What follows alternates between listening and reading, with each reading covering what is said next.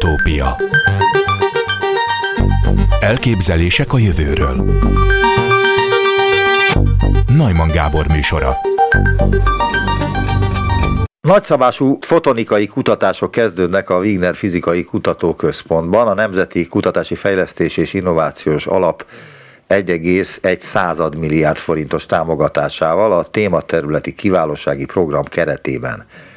Üdvözlöm az utópiában Dombi Péter fizikust, a Wigner Fizikai Kutatóközpont Szilártest Fizikai és Optikai Intézet igazgatóhelyettesét, az MTA doktorát, az ultragyors lézerfizika nemzetközileg ismert kutatóját. Jó napot kívánok! Jó napot kívánok! Mi az az ultragyors lézerfizika? Hát az ultragyors az ö, valamilyen szinten nagyon egyszerű megmagyarázni, mert ö, ultragyorsnak azt szokták manapság nevezni, ami körülbelül ilyen femtoszekundumos, tehát femto másodperces időskálán játszódik le. Ugye a femto az egy görög szó, és a másodperc, illetve hát bármilyen fizikai mennyiség milliárdod részének a milliomod részét jelenti. Ugye ez a 10 15 ennek megfelelő ilyen előtag. Tehát minden folyamat a természetben például, ami ezen a nagyon gyors, nagyon rövid időskálán játszódik le, azt ultragyorsnak nevezzük, femto másodperces folyamatokról van szó, és ezt persze úgy kell elképzelni, hogy itt tipikusan ugye olyan folyamatokról beszélünk, amik azért a, a, a mikrovilágban játszódnak le, tehát nyilván a, a, az ilyen makroszkopikus testek, tárgyak, azok femtomásodperc alatt nem nagyon csinálnak semmit, viszont ugye az atomok, molekulák világában ez a femtomásodperc, ez a különböző változásoknak a jellemző időskálája. Mondana példát erre, hogy mik történnek femtomásodpercek alatt? Igen, tehát például, hogyha mondjuk fényjel megvilágítunk egy atomot vagy egy molekulát, akkor az ugye gerjesztett állapotba tud kerülni a fény hatására, és az elektronnak ez a gerjesztése, ez például tipikusan olyan femtomásodperc eh, alatt játszódik le. De hogyha meg, egy másik példa így a fényjel kapcsolatban, tehát, hogyha ugye a, a, elképzelünk mondjuk egy fénysugarat, amit mondjuk egy ilyen kis, nem tudom, kézi lézerrel indítunk mondjuk a világűrbe, és becélozzuk vele a holdat, akkor ugye, hogyha egy másodpercre villantjuk fel ezt a kis lézer pointerünket, akkor egy olyan fény vonulatot hozunk létre, ami ugye a Földtől a Holdig terjed. Ugye egy másodperc, ugye 300 ezer kilométer per másodperc a fénysebesség, tehát ez a egy másodperces fény felvillanás, ez ugye a, egy olyan fény vonulatot hoz létre, ami ugye a Földtől a Holdig terjed. Egy femtomásodperces ilyen fény felvillanás, az pedig 3 tized nanométer hosszúságú ilyen vonulatot hoz létre, tehát ez egy ilyen elképesztően rövid időtartam, ugye a hétköznapokban megszokott időtartamokhoz képest. Ugye a fotonika az a fény tudománya, és legalábbis amit itt olvastam róla, a 60-as évektől jött létre az elektronikából, de mit nevezünk fénynek? Tehát milyen meghatározást lehet mondani a fényre, hogy mi is az? Hát ugye a, a fizikusok szeretnek ilyen, hát nem tudom, hogy mondjam ezt, tehát kitérő válaszokat adni, de hát ez nem kitérő válasz igazából, mert a fény az ugye kétféle jelleggel bír. Ugye a fény az egyrészt egy elektromágneses hullám, tehát ugyanúgy, mint ahogy mondjuk a rádió hullámok, vagy akár a röntgensugárzás. Ugye a fény az egy bizonyos hullámhosszal rendelkező elektromágneses hullám, ahogy azt a az iskolában is tanítják. Másrésztről pedig a fénynek azért vannak kvantumai, tehát vannak részecskéi, ha úgy tetszik, és hogyha ebből a, az ilyen tulajdonságát nézzük a fénynek, hogy mondjuk elképzelhető úgy, hogy mondjuk részecskékből áll, ugye akkor, akkor viszont fotonokról beszélünk, ugye a foton az a fénynek egy ilyen kvázi részecskéje, és bizonyos környezetben, bizonyos alkalmazásokban ugye a, a fényt azt nem elég elektromágneses hullámnak tekinteni, hanem részecske természetűnek kell tekinteni. Ez a 20. századi fizika egyik nagy hát felfedezése, illetve felismerése volt. Elnézést, de ez, ez azt jelenti, hogy anyagi természetű? Hát a, a, a fény az ugye elektromágneses hullám, tehát ilyen értelemben ugye vákumban is tud terjedni. Viszont ugye van egy ilyen részecske kép, amiben ugye a fény az részecskékből áll. De ugye anyagnak azért nem nevezzük a fényt. Aha. Miből jön létre? Hogyan jön létre a fény? Tudományosan megfogalmazva. Hát a fény az, az nagyon sokféleképpen jöhet létre, ugye különböző ilyen gerjesztésekkel jöhet létre, ugye a nap, ugye a fénynek a legfőbb forrása, ott ugye a, a magfúzió az, ami a, a, a fényt létrehozza, tehát atommagoknak az egyesülése. De hát a fény az, az nagyon sokféleképpen létrejöhet. Például ugye egy lézerben is létrejöhet a fény, vagy akár egy villanykörtében is létrejöhet a fény. Tehát, hogyha egy anyagot elég nagy hőmérsékletre hevítünk, akkor ugye létrejön a fény. Ami ugye érdekesebb, ugye pillanatnyilag, ugye a mi projektünk szempontjából az az, amikor ez a fény mondjuk egy lézerben jön létre. Ugye ezt 19, a lézereket 1960-ban fedezték fel. De hát a lézer maga is fény, nem? Hát a, a lézer az egy eszköz, ugye egy eszköznek a neve. Ja, igen, igen, az igen. általa kibocsátott fényt, azt ugye lézerfénynek igen, igen. nevezzük. És a, a, a lézer eszközt azt 1960-ban fedezték fel, tehát ez egy, ez egy nagyon friss, fiatal felfedezés, tehát 60 éves mindössze, hát gondoljunk bele, hogy a mit tudom én, atom erőművek alapjául szolgáló ugye maghasadást azt ugye sokkal korábban felfedezték. Tehát itt a lézer az egy ilyen, ilyen lézerfizika mondjuk, vagy a lézeres optika az egy, egy viszonylag fiatal tudományterület, és ezen belül is egy ilyen még fiatalabb tudományterület, ez az úgynevezett fotonika, ami ugye a fénynek a különböző alkalmazásaival foglalkozik. Tehát ugye úgy lehet összefoglalni különben ezt a fotonikai tudományterületet, hogy a fénynek az előállításával, az átalakításával és a, az észlelésével, detektálásával foglalkozó tudományterület. És hát ehhez különben egy nagyon fontos iparág is kapcsolódik, tehát ugye nem csak fotonikai kutatásokról beszélhetünk, hanem beszélhetünk fotonikai iparról is, ami ugye nagyon fontos a ugye különböző nemzetgazdaságok szempontjából. Ez a fotonikai iparág amúgy egy 600 milliárd dolláros iparág az egész világon, és pillanatnyilag egy ilyen 8-10 százalékos növekedést produkál évente. Ehhez ugye ez a 600 milliárd dolláros iparághoz összehasonlításként, ugye mondok egy számot, ugye a Magyarországnak a 2020-as GDP az 155 milliárd dollár, tehát a fotonikai iparág az mondjuk négy Magyarországnyi produktumot állít elő minden évben. Azt írják a sajtóanyagban, hogy, a, hogy nagyszabású fotonikai kutatások kezdődnek a Wignerben. Hadd kérdezem először a fotonikáról, ami a, ugye elmondta, hogy, hogy, hogy, hogy voltak éppen mit is jelent a fotonika, de milyen kutatások kezdődnek a Wignerben? Hát itt ugye már egy kicsit próbáltam azt érzékeltetni, hogy, hogy ez, egy, ez egy nagyon nagy terület, mind a fotonikai kutatásoknak a területe, mind a fotonikai iparnak a területe, tehát ugye ezt az egész nagy területet ezt nem tudjuk lefedni. Ezt úgy kell elképzelni, hogy mondjuk a, a fotonikai termékek, például azok egészen a kijelzőktől, kameráktól kezdve, tehát mondjuk egy, egy tévét is, egy ledes tévét is tekinthetünk ugye fotonikai terméknek, kijelzők, kamerák, adatátvitel, ugye száloptikai adatátvitel, orvosi képalkotási megoldások, ugye de akár gondoljunk az önvezető autóknál, ugye nagyon sok kamerát kell használni ahhoz, hogy megfelelő képet alkossunk a környezetünkről, tehát ez, ez mind valamilyen szinten a fotonikai ipar, iparhoz tartozik, és, és ugye ezt, ezt nem tudjuk mi a kutatásainkkal mind lefedni, hiszen ugye körülbelül olyan 30-40 kutató fog ezen a projekten dolgozni a következő években. De néhány ilyen fókuszált tudományterületen, kutatási területen, amelyik ugye mind alapkutatásra vonatkozik, mind ilyen alkalmazott kutatásokra vonatkozik, néhány ilyen területen megpróbálunk érdekes és fontos eredményeket elérni.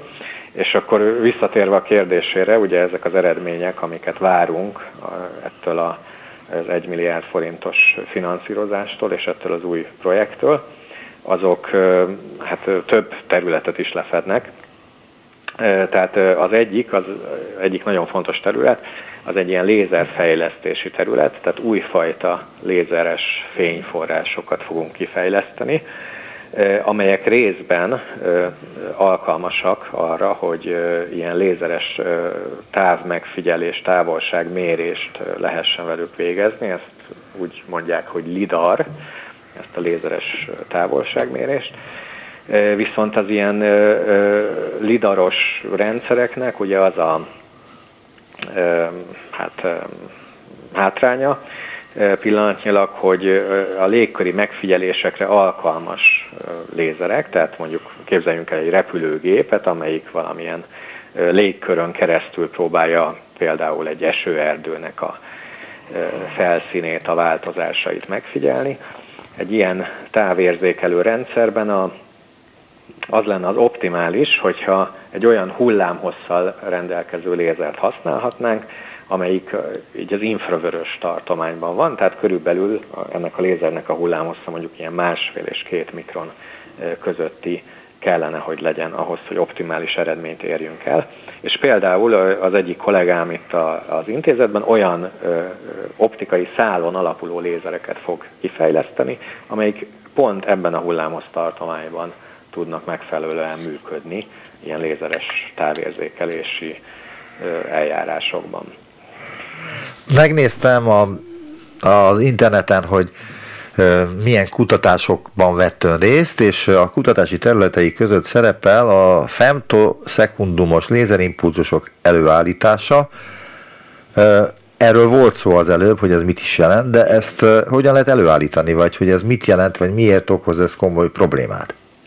Hát ugye itt ezt úgy kell elképzelni, hogy ezek a, a femtoszekundumos lézerimpulzusok, lézerfény felvillanások, ezek a, azok a az események, amik kontrollálhatóan előállítható események, legrövidebb események, amik jelenleg az emberiségnek a rendelkezésére állnak. Tehát, hogyha mondjuk szeretnénk egy ilyen nagyon rövid, nagyon gyors időtartam alatt lejátszódó folyamatot a természetben megmérni, mondjuk egy ilyen molekulának például a változását, ami nagyon gyorsan történik, akkor egyedül eljárásként csak ez a femtoszekundumos lézeres eljárás az, amivel ezeket a 10 a mínusz 15-en másodperc alatt lejátszódó folyamatokat gyakorlatilag láthatóvá tudjuk tenni. Tehát, hogyha úgy tetszik, ezek a femtoszekundumos lézerek, ezek egy ilyen gyors fényképezési eljárás biztosítanak nekünk, így az atomok és a molekulák világában. És ezért nagyon nagy a jelentőségük, és hát köszönöm a kérdését, mert akkor egy másik példát is bemutathatok itt az induló projektünkből, ami pedig arra vonatkozik, hogy olyan lézereket fejlesztünk, amik ezt a femtomásodperces időtartamú fényfelvillanásokat tudják kibocsátani, csak ugye sokkal stabilabban, sokkal kontrolláltabban, mint az eddig fejlesztett hasonló lézerek. Olvastam másik kutatási területéről is, arról is kérdezném, hogy mi a felületi plazmonok dinamikája, az mit is jelent tulajdonképpen? És mi köze van a fotonikához? Igen, hát a, a, ez a tehát, hogyha úgy tetszik, akkor a plazmonikát, ugye a felületi plazmonoknak ezt a tudományát, ezt a fotonika egyik alterületének lehet nevezni. Ezt hát más néven, talán egy kicsit könnyebben érthető néven lehet akár mondjuk nanooptikának is hívni. Ennek az a lényege, hogy a, a fénynek a, energiáját, a, a fénysugárzást, azt ugye megfelelő fémből készült nanorészecskéknek a segítségével, ezt be tudjuk koncentrálni ilyen nagyon kis térbeli tartományokra, akár nanométeres tartományokra is. És hát itt hadd had hivatkozzak megint egy ilyen hát ugye iskolai tananyagra, ami ugye arra vonatkozik, hogy ugye a mikroszkópokban, például a ami egy mikroszkópnak a felbontása az nagyon erősen hozzá van kötve a fénynek a hullámhosszához. Tehát mondjuk egy 500 nanométeres zöld fényjel működő mondjuk mikroszkópnak a felbontása, a térbeli felbontása, az körülbelül ilyen 250 nanométer alá nem igazán vihető le. Ez azért van, mert a fényt azt nem lehet a hullámhossz alatti tartományba jelentősen ez a első tartományba koncentrálni. Tehát, tehát hogyha egy ilyen trükköt csinálunk, ami arra vonatkozik, hogy egy, egy felületen például előállítunk fémből készült akár ilyen 10-20 nanométeres nanorészecskéket, az, annak a segítségével meg tudjuk azt csinálni, hogy a fénynek az energiáját ilyen nagyon kis tartományokra koncentráljuk, és ezekben a nagyon kis tartományokban nagyon nagy térerősségeket érjünk el. Ugye a fény az elektromágneses hullám, tehát van egy elektromos tere, és ezt a, a fénynek az elektromos terét ilyen nanorészecskék segítségével több százszorosára fel tudjuk erősíteni, azáltal, hogy ilyen nagyon kis térbeli tartományokban van, jelenik meg a, a kívülről jövő fénynek az energiája. Ennek különben nagyon sok érdekes alkalmazása van, tehát ennek a segítségével már demonstráltak például ugye vízbontást is akár, hogyha egy ilyen példát akarok mondani, ugye egész egyszerűen a vízbe nanorészecskéket helyezve azok közelében meg lehet valósítani azt, hogy a fénynek a segítségével ugye hidrogén és oxigén keletkezzen ugye a víz atomjaiból, a víz molekulának az atomjaiból. Ugye ez nagyon fontos a hidrogén alapú ugye, energia felhasználásban, illetve hát például akár ilyen, ilyen terápiás módszerekben is, tehát az, hogy a fénynek az energiáját nagyon kis térrészekre tudjuk koncentrálni, azzal például megvalósítható mondjuk rákos sejteknek a szelektív elpusztítása. Ugye ezek nagyon kísérleti stádiumban levő technológiák, de ez egy kicsit mutatja azt, hogy ennek a plazmonika területnek, nanooptikai területnek mik a jövőbeli felhasználási lehetőségei. Az előbb mondta, hogy, hogy abból a pénzből, amit a Nemzeti Kulturális Fejlesztés és Innovációs Alap ad a Wignernek most ezt az 1 milliárd forintot, ebből ö, alapkutatásokat finanszíroznak, illetve célzott kutatásokat is. Milyen célzott kutatásokról beszélt? Igen, tehát itt, itt a Wignerben mindig törekedtünk arra, hogy egy ilyen jó egyensúly alakuljon ki ugye az ilyen alapkutatások és az alkalmazott vagy hát ahogy ön mondta, célzott kutatások között. És hát, hát egy ilyen nagyon erősen alkalmazott kutatásnak gondolom én ezeket a lézerfejlesztési projektjeinket, ugye erről már az előzőekben beszéltem, ugye, tehát olyan lézereknek, olyan kompakt és nagyon stabil lézereknek a kifejlesztése, amik akár ilyen lézeres távérzékelési vagy egyéb alkalmazásokban szerepet játszanak. De hát mondok egy másik példát is, tehát az is ugye egy ilyen nagyon érdekes alkalmazott kutatás, amikor egy ilyen új, hát úgynevezett spektroszkópiai eljárással, ugye azt próbáljuk elérni, hogy, hogy különböző ilyen vírusokat, baktériumokat, vagy akár vegyületeket is nagyon érzékenyen tudjunk detektálni. Ugye ezt is egy lézer segítségével tudjuk megvalósítani. Ugye egy ismeretlen anyagmintát, ami mondjuk egy ilyen folyadékban van, azt egy megfelelő lézerrel megvilágítva és mérve ennek az anyagnak a válaszát a lézersugárzásra, ennek a segítségével ki tudjuk mutatni spektroszkópiai úton azt, hogy egy adott vírus, egy adott baktérium vagy egy adott vegyület az jelen van-e a folyadékban, illetve hát egy másik nagyon fontos alkalmazása lehet ennek a spektroszkópiai típusú kutatásainknak az az, hogy levegőben vagy akár gázokban is ezekben a, e, ezeket a, az adott vegyületeket, amiket mondjuk keresünk, vagy hát ami veszélyesnek minősül és szeretnénk kimutatni, ezeket ö, ö, ki tudjuk mutatni, tehát levegőben ugye azért érdekes, hogy ugye nagy távolságból ezeket ki lehessen mutatni, illetve hát akár azt is el lehet képzelni, ugye, hogy egy ember által kilélegzett levegőben egy adott molekulát, vagy hát biológiai anyagot keresünk, és hát ezt lézeres detektálással is meg lehet valósítani ezeknek a kimutatását. Megkérdezhetem, hogy miért nem a Szegedi Lézerközpontban folytatja a kutatásait, hiszen az egy európai szintű, vagy világszínvonalú lézerközpont, ahol, és itt ön vég a lézerről beszélt tulajdonképpen az interjú során. Igen, igen, hát ez egy nagyon jó kérdés, és köszönöm is, hogy, hogy rákérdezett erre, hiszen itt a, a lézeres szakértelmemet én azért a Szegedi Lézerközpontban is, is kamatoztatom, viszont ugye ezek a kutatások azért vannak jobb helyen a Wignerben, mivel ugye a Szegedi Lézerközpontnak az a küldetése, az a fő hát, célja, hogy itt ilyen nagyon nagy intenzitású lézereket biztosítsanak olyan felhasználóknak, akik tipikusan ugye külföldi kutatók. Tehát itt egy tipikus mondjuk szegedi lézert, azt úgy kell elképzelni, hogy van, egy, van a laborban ugye egy ilyen nagyon nagy asztal, és akkor az egy ilyen 6-7 négyzetméter területet, ez a lézer, egy ilyen optikai asztalon az azért elfoglal. Tehát ezek, a, ezek ilyen nagyon nagy intenzitású lézerek, komplikált technológiára épülnek, ugye ilyenből néhány másik példány van a világ különböző pontjain, de ugye nagyon fontosak azok a lézeres kutatások is, amik meg arra épülnek, hogy ilyen nagyon kompakt, kézben tartható lézerekkel, kézben tartható fényforrásokkal valósítsunk meg alkalmazásokat. Tehát mondok egy, egy másik példát, tehát ugye a, a bolti vonalkód leolvasókban is lézerek vannak, és hát nyilván ezeket miniaturizálni kell ahhoz, hogy ezeknek értelmes felhasználása legyen.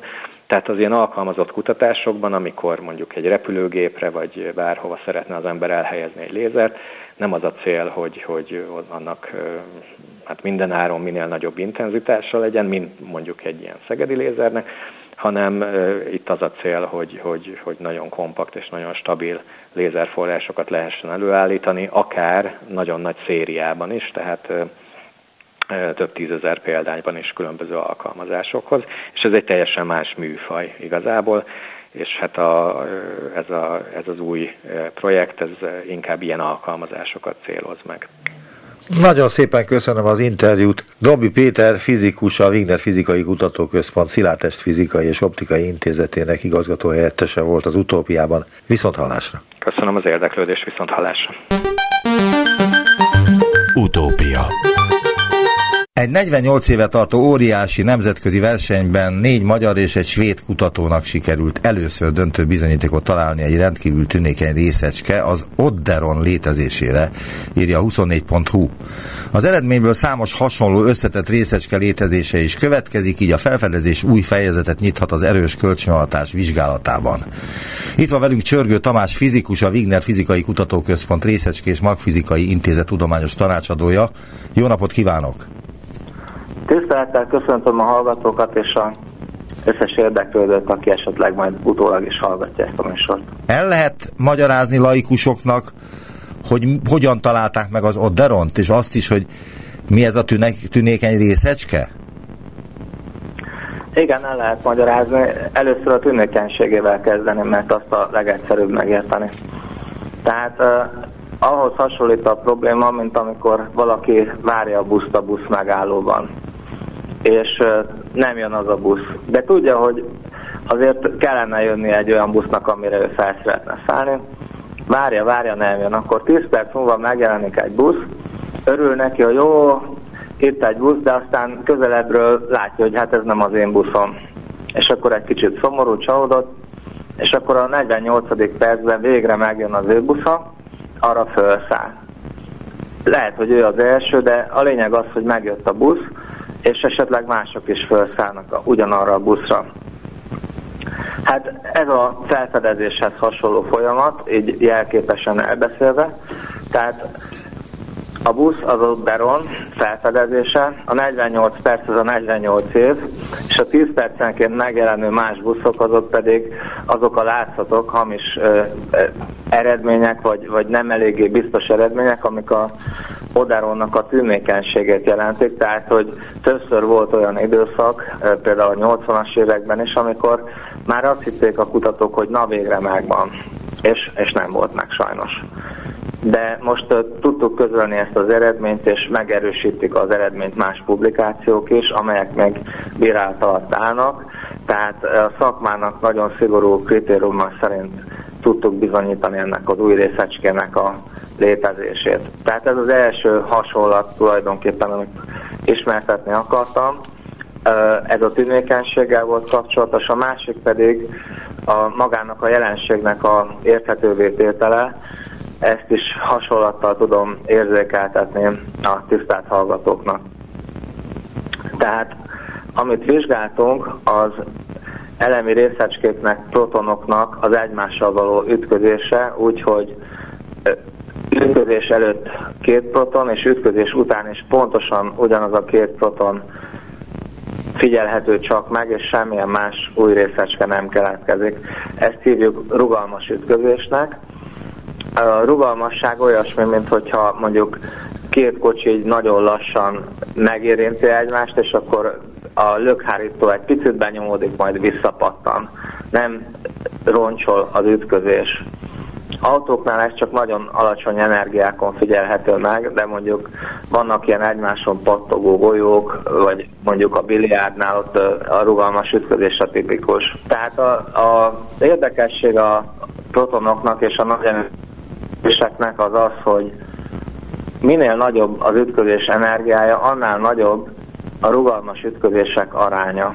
Tehát ez jelenleg a világrekord energiákon, amit a nagy hadron ütköztetőben érünk el, ez több, mint az ütközések egy negyede. Autóknál ez ugye pont fordítva van, gyakorlatilag a mai autók olyanok, hogy minimális ütközés után is már roncsolódnak, tehát, tehát minél nagyobb az energia, annál, annál nagyobb a roncsolódás, de pillanatok alatt totálkáros lesz az autó egy karambolban. Itt az a helyzet, hogy a protonok olyan autóknak felelnek meg ebben a képben, amelyek minél nagyobb energiával ütköznek, annál kevésbé roncsolódnak. Tehát az egyik ilyen furcsa tulajdonság a részeske fizikában, ez egy ilyen kvantumfizikai effektus. A másik az, hogy az oderon cserét úgy lehet elképzelni, egy, egy másik hasonlattal élve, mint az autóvásárlásnál a cserét. Tehát ugye van egy ilyen hasonlat, hogy mondjuk az egyik protont elnevezzük Péternek, a másikat Pálnak. És akkor a kölcsönhatás az az, hogy a Péternek van kocsia, a Pálnak van pénze, és akkor a kölcsönhatás során a Pál odaadja a pénzt, a Péter odaadja az autót, és akkor kölcsönhatásba bemegy Péter egy kocsival, és kijön a pénzzel, Pál bemegy a pénzzel, és kijön a kocsival. Tehát itt ez a hasonlat, ez azt jelképezi, hogy a rugalmas ütközések során energiát és lendületet cserélnek a résztvevő protonok, tehát a két proton Péter és Pál, energiát és lendületet, azaz pénzt és autót cserél ebben a hasonlatban. Egy pillanat, itt megállítanám, belekérdeznék itt, hogy hogy ez azért történik ezzel a két protonnal, mert ott van ez az Oderon nevű részecske? Nem, nem, nem. Még az Oderont szeretném elmagyarázni, mint egy Világos. különbséget. Tehát a, a Oderon az ebben a folyamatban is részt vesz, de kicsi a hatása. Ahogy legkönnyebben ki lehet mutatni, az a hasonlatnak a második felében lesz nyilvánvaló. Igen. A második fele a hasonlatnak az az, amikor megint csak autóvásárlás van, csak most Péter az eladó, akinek van kocsia, ő változatlan, de megváltozik a vevő. Pál helyett antipálnak nevezhetjük a vevőt. Antipál az nem rendelkezik pénzzel, de szeretne kocsit vásárolni. És akkor antipálnak hitelhez kell folyamodnia, és, a és az Oderontól kér kölcsön. Felvétel ö, során ugye ő megkapja a felvett hitelét, azt odaadja Péternek, tehát a Péter az változatlanul eladott egy kocsit, és kijött ugyanannyi pénzzel, az ő részéről a folyamat ugyanaz. A Antipál az nulla forinttal ment az üzletbe, és ö, kiment egy kocsival, meg adóssággal és hogyha a pénzt ö, kamat nélkül tudta volna felvenni, akkor a végén megadja a kocsi árát, és akkor ez a folyamat ugyanolyan lenne, mint amikor a Pál és a Péter ö, üzletelt. Tehát a két proton, az a Pál és a Péter, és a antiproton proton, az pedig az antipál és a Péter. És a két üzlet között van egy nagyon lényeges különbség, az, hogy az antipálnak a hitelre kamatot kell fizetni általában. És számokkal nagyon egyszerűen lehet ezt érzékeltetni, hogy mi az, amit észleltünk. Tehát mondjuk, ha valaki vesz egy autót 3 millió forintért, és bemegy az OTP-hez kölcsönért, mondjuk felveszi 7 vagy 8 évre, és a végén, hogyha általános feltételekkel kapja meg ezt a kölcsönt, akkor mondjuk egy olyan 17% körüli kamatot kell fizetnie, és akkor a végén mondjuk 7 vagy 8 év alatt visszafizet 5 millió forintot. És akkor a fizikában ezt úgy mérjük az ilyen típusú hatást, hogy megnézzük, hogy mi a különbség a hitel és a teljes visszafizetett összeg között. Ebben a példában visszafizetett 5 millió forintot 8 év alatt, és kapott 3 milliót rögtön, akkor a különbség 2 millió forint, és ezt elosztjuk a hitel és a teljes visszafizetett összeg összegével, tehát 3 plusz 5 millió forinttal, tehát 2 milliót osztunk 8 millióval, az eredmény az 25 százalék, tehát egy negyed. Ez egy aszimetria, ami a között áll fönn, hogyha van pénzem, vagy ha kölcsönt kell felvenni. És pontosan ilyen 25%-os aszimetriát találtunk az Odaron jeleként, ami a proton-proton és a proton-antiproton ütközések között áll. Ha most én felhasználom az ön hasonlatát, ezt az autóvásárlási hasonlatot, akkor az Oderon ad kölcsönt?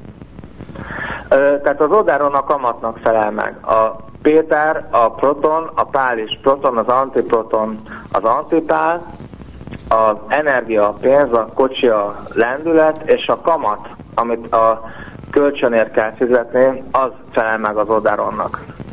Tehát, Tehát a, a kamat akkor... viszonylag kicsi a, a, a kölcsön adott összeghez képest, de azért eh, mérhető, és eh, nagyon nehezen volt a részecske fizikában kimutatható.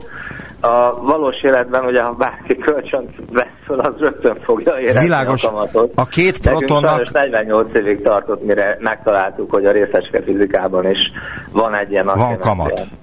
Uh, van kamat tulajdonképpen, igen. mondhatjuk így. Hogy a részecske fizikában is van kamat. azért, hogy van kamat, tehát ez nem ért olyan nagyon nagy ahogy mondjam, senkit se ért nagy meglepetés, hogy egy pillanat. van egy ilyen jelenség. Egy pillanat, itt szeretném önt idézni, ha megengedi. Nyugodtan. Az eredmény azért is különösen jelentős, mert ismereteim szerint ez az első teljesen meglepetésszerű váratlan felfedezés a CERN méréseiben, és mindez új fejezetet nyithat az erős kölcsönhatás vizsgálatában. Nyilatkozta ezt ön. De akkor Igen. mit jelent a meglepetésszerű és a váratlan? Hát ezeket úgy lehet érzékeltetni, hogy tehát mindenki sejti, hogy például majd jön az ő busza is. Ott áll türelmetlenül a busz megállóba, az előző hasonlatban ugye 48 percig vár a buszra, közben jönnek, mennek a buszok, és a váratlanság az ebben az értelemben azt jelenti, hogy, hogy nézem, hogy ó, jönne már az én buszom, és akkor egyszerűen egy teljesen meglepetésszerű új helyről, egy új, új irányból egyszer csak megjelenik az a busz, amire vártunk. Tehát itt arról van szó, ilyen értelemben, hogy a LHC gyorsítót a Higgs bozonnak a felfedezésére építették, és arra, hogy a standard modellen túli új fizikának a jeleit esetleg felfedezzék vele, de biztos volt az, hogy a Higgs bozont szeretnék vele azonosítani, és a Higgsnek a tulajdonságait is meg tudják vizsgálni. Ez a része ez teljesen sikerült a programnak, és nagyon alapos és nagyon fontos új tudást sikerült az LHC-val elérni, teljesítette a minimális kitűzött követelményeket. Azonban a részecske fizika ismert keretein túli eredményt azt eddig az én ismereteim szerint nem sikerült az LHC-val találni, de amikor az LHC-t tervezték, akkor az az igazság, hogyha bárki végignézi a dokumentumokat, vagy a sajtóanyagokat, amiket az LHC indulásakor kiadtak, akkor Higgs bozon és standard modellen túli fizika volt a hangsúly, és Oderon egy, egy szóval nem volt említve ezekben a közleményekben. De miért pont Oderon? Honnan van ez a név? Mert Oderon... Hát az Od az angol szó, és azt jelenti, hogy páratlan. És ez egy páratlan részecske, van egy páros párja, azt úgy hívjuk, hogy pomeron, és a, gondolom, hogy az ott az jöhet, hogy páratlan, és hasonlít egy picit a pomeronra. De pontosan nem tudom, mert az az igazság, hogy amikor ezt az elnevezést kitalálták, akkor én még valószínűleg általános iskolába jártam, és nem követtem a szakirodalmat. Most próbálok azért egy kicsit utána nézni ennek, de tehát az az igazság, hogy ez nagyon-nagyon régi publikációkban is már szerepel. Tehát, Mi, a, tehát akkor mondja meg nekem, hogy ez... hogy ez egy ilyen ö, dolog, hogy el kell valahogyan nevezni, és ez egy jó név lett, és ráragadt valahogyan. De azt mondja meg nekem, legyen szíves, hogy mi történt 1973-ban, ami kvázi fordulópontot jelentett? Két fizikus, az egyiket úgy hívták, hogy Baszarab Nikolászkó, a másikat pedig úgy, hogy Lesek Lukasek, vagy pontosabban valamilyen ehhez hasonló lengyel név, mindjárt megnézem, tehát ők javasolták, hogy nem csak a pomeron létezhet, hanem a, ez egy páros részecske bizonyos értelemben, tehát le, le, talán jól lejtem ki a lengyel nevet, Lesek Lukasuk. És Baszarab Nikolászkó volt az a két fizikus, akik javasolták azt, hogy mivel az akkori adatok emelkedő proton hatáskeresztmetszetet láttak szakkifejezéssel, ez lehetővé tette azt, hogy, hogy egy páratlan részecske is közvetítse ezt a kölcsönhatást. Tehát ők javasolták ezt 1973-ban, mint egy elméleti lehetőséget, és azóta nagyon sok ö, ö, elméleti modellje született ennek a Oderon nevű részecskének, ö, beilleszkedik az erős kölcsönhatás ismert keretei közé. Tehát azzal a nyelvvel, amit De melyik, a melyik erős kölcsönhatásban? modellje használ, azzal le lehet írni ezt a jelenséget, ez nem a standard modellen túli részecske. Igen, de melyik költ, erős kölcsönhatásba illik ez bele? A négy közül. Bocsánat, rosszul hallom. Azt kérdeztem, hogy a négy közül melyik erős kölcsönhatásba illik ez bele? Mármint az Oderon. Tehát alapvetően ugye a leggyengébb kölcsönhatás, ami a világegyetemet hosszú távon határozza meg az a gravitáció, aztán és elektromágnesesség. Akkor van egy gyenge kölcsönhatás, ami a, a napnak a működéséért, a bizonyos fajta radioaktív folyamatoknak a lezajlásáért felelős, és van az elektromágneses kölcsönhatás, amit mindenki ismer, és az erős kölcsönhatás az a, onnan kapta a nevét, hogy ez erősebb, mint az elektromágneses kölcsönhatás, hiszen azt talán mindenki tudja, hogy a világunk atomokból épül föl, tehát a környező anyagi világunknak a leírásában az alapvető fogalom az az, hogy egymáshoz kapcsolódó atomok vagy egymást vonzó vagy taszító Igen, világ, a, ha, hadd kérdezek bele valamit. Csak egy hagyd fejezem be, Igen? hogy az atomok azok úgy épülnek fel, hogy a közepükben atommag van, nagyon pici a teljes atom méretének a százezer része, de az atommagban ott van nagyon sok pozitív töltés, a protonok, és az elektromosan semleges neutronok. És ha az erős kölcsönhatás nem lenne jelen, akkor a protonok szétrobbannának és eltávolodnának egymástól, mert elektromosan taszítják egymást. De az erős kölcsönhatás olyan erős, hogy legyőzi ezt az elektromos taszítást, és egybe tartja az atommagot. Akkor azt kérdezném, hogy mi lenne, hogyha nem lenne Oderon? Ha azt állapították volna meg, hogy ez nem létezik ez a részecske. Ha nem lenne Odaron, az pontosan úgy találtuk meg, hogy ha nem lenne, akkor egyértelműen teljesen hasonló lenne a rugalmas proton-proton és rugalmas proton-antiproton ütközés, tehát ugye ha valaki kölcsönre vesz kocsit, rögtön érezni fogja, hogy a kölcsön után kell-e fizetnie kamatot vagy nem. Tehát, hogyha ö, nem lenne odáron, akkor a, mondjuk a jelképes szóhasználattal pontosan ugyanannyi pénzt kellene visszafizetni, De hát ez jó. kölcsönbe kaptunk. Várjunk és ezt csak. a folyamatot figyeltük meg, tehát azt, hogy Igen, de ezzel mi a baj? Az nem nulla, hanem kb. 25 százalék. Igen, de ezzel mi a baj? Tehát, hogyha nem kell kamatot Semmi fizetni, baj, annak örül az a, ember. A, a, ennek örülni lehet, azért, mert ez az Oderon, ez egy teljesen új típusú részecske. Tehát a, éppen tegnap vagy kicsit rákerestem, hogy a LHC gyorsítónál körülbelül 50 ö, erősen kölcsönható új részecskét fedeztek fel eddig, de ez az 50, ez mind olyan típusú, mint a proton és a neutron, tehát ez színes és úgynevezett kvark-szerű alapkő részecskéknek, kvarkokból és antikvarkokból alakuló színes részecskéknek a fehér színű kötött állapota. És az Oderon az nem ilyen. E- Ez is színes, de nincsen benne egyetlen egy darab kvark sem, hanem ez tisztán ragasztó részecskékből áll. Tehát füstkarikákat már gondolom mindenki látott, lehet füstkarikát csinálni a füstből, de fényből például nem lehet karikát készíteni, mert a fény az nem hat saját magával kölcsön, az csak a töltésekkel hat kölcsön. Az, a gluonok, azok a ragasztó részecskék, ezek ragasztják össze a kvarkokat az erősen kölcsönható részecskékbe, mint például a proton és a neutron, amik már megfigyelhetőek, és ezek a gluonok egymással kölcsönhatnak. Tehát ezek színeket cserélnek, és uh, ugye egyik szint átváltani a másikra, azt mindenki el tudja képzelni, hogy ezt lehet folytatni.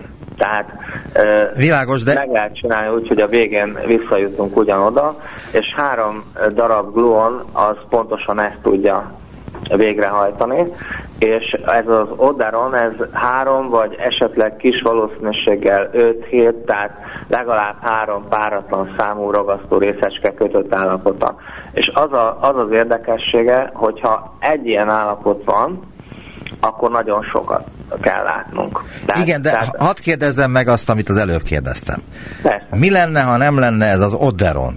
És nem fizikai szemmel, hanem emberi szemmel, ha itt ülök a stúdióban, vagy kimegyek az utcára, eltűnne az egész világegyetem? Vagy csepp folyósá változna? Vagy mi történne vele?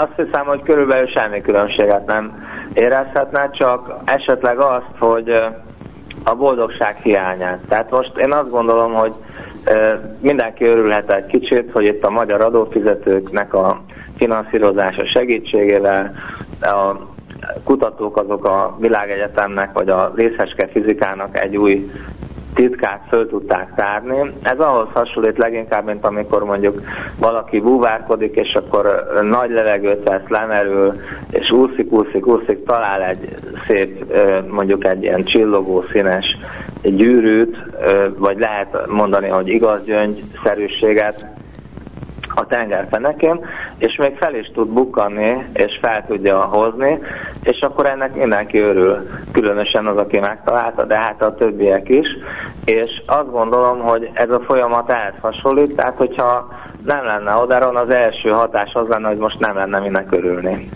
Tehát az a helyzet, a hogy gyakorlati életben való hatását azt nem tudjuk megjósolni, de leginkább nyilván a, először is a szakmának ez egy jelentős lépés, mert ugye ezt a kérdést meg lehetne mondani úgyis, hogy mi van, ha nincsen X bozon, vagy mi van, hogyha nincsen fény. Hát ha például nincsen fény, akkor, akkor azért nagyon nagy bajba lennénk. akkor nem nagyon beszélgetnénk valószínű erről a, a, erről a részecskéről, de mit jelent az a megállapítás, hogy az Oderon létezése sérti világunk egyik részecske fizikai szimetriáját, mert ezt is Tehát az olvastam a leírásban. Sérti a részecske fizika egyik alapvető szimetriáját. Ez azt jelenti, hogy a proton-proton és a proton-antiproton ütközések azok különbséget mutatnak, amit számszerűsíteni tudtunk.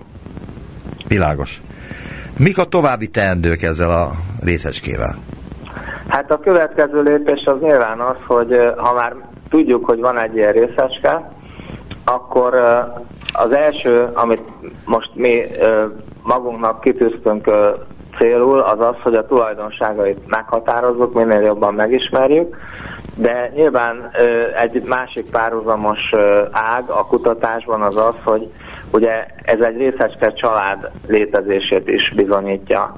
És akkor ennek a családnak a összes megtalálható elemét azt keresni fogjuk az LHC-nál, vagy más módon, tehát leginkább az LHC-SS, de más gyorsítókkal is lehet ezt keresni, tehát az a lényeg, hogy most olyan ez a felfedezés, mint hogyha egy könyvnek egy elveszett vagy régóta keresett új fejezetét megtalálnánk. És azt az új fejezetet most akkor el kell kezdeni olvasni, nézni, hogy hány oldal, milyen alfejezetek vannak benne, és így tovább. De az nagyon fontos hangsúlyozni, hogy ez a könyv ugyanazokkal a betűkkel, ugyanazokkal a kifejezésekkel ugyanazon a nyelven van írva, mint a részeske fizikának az ismert eddigi eredményei. Tehát, tehát ilyen szempontból új fejezet nyitása, de nem új alapvető részecskék felfedezése a kutatásunk eredménye. Nagyon szépen köszönöm az interjút és a hasonlatait is. Nagyon köszönöm. Nagyon szívesen. Van, amit nem értettem, megmondom őszintén, de remélem a hallgatóim azok értették. Én azt hiszem, hogy azt az érzést szeretném átadni, hogy most lehet valaminek örülni, és az nagyon fontos dolog. Köszönöm Ez szépen. manapság szépen. fontos. Csörgő Tamás fizikus, a Wigner Fizikai Kutatóközpont Részecske és Magfizikai Intézet tudományos tanácsadója volt az utópiában. Viszont hallásra. Köszönöm szépen, viszont hallásra.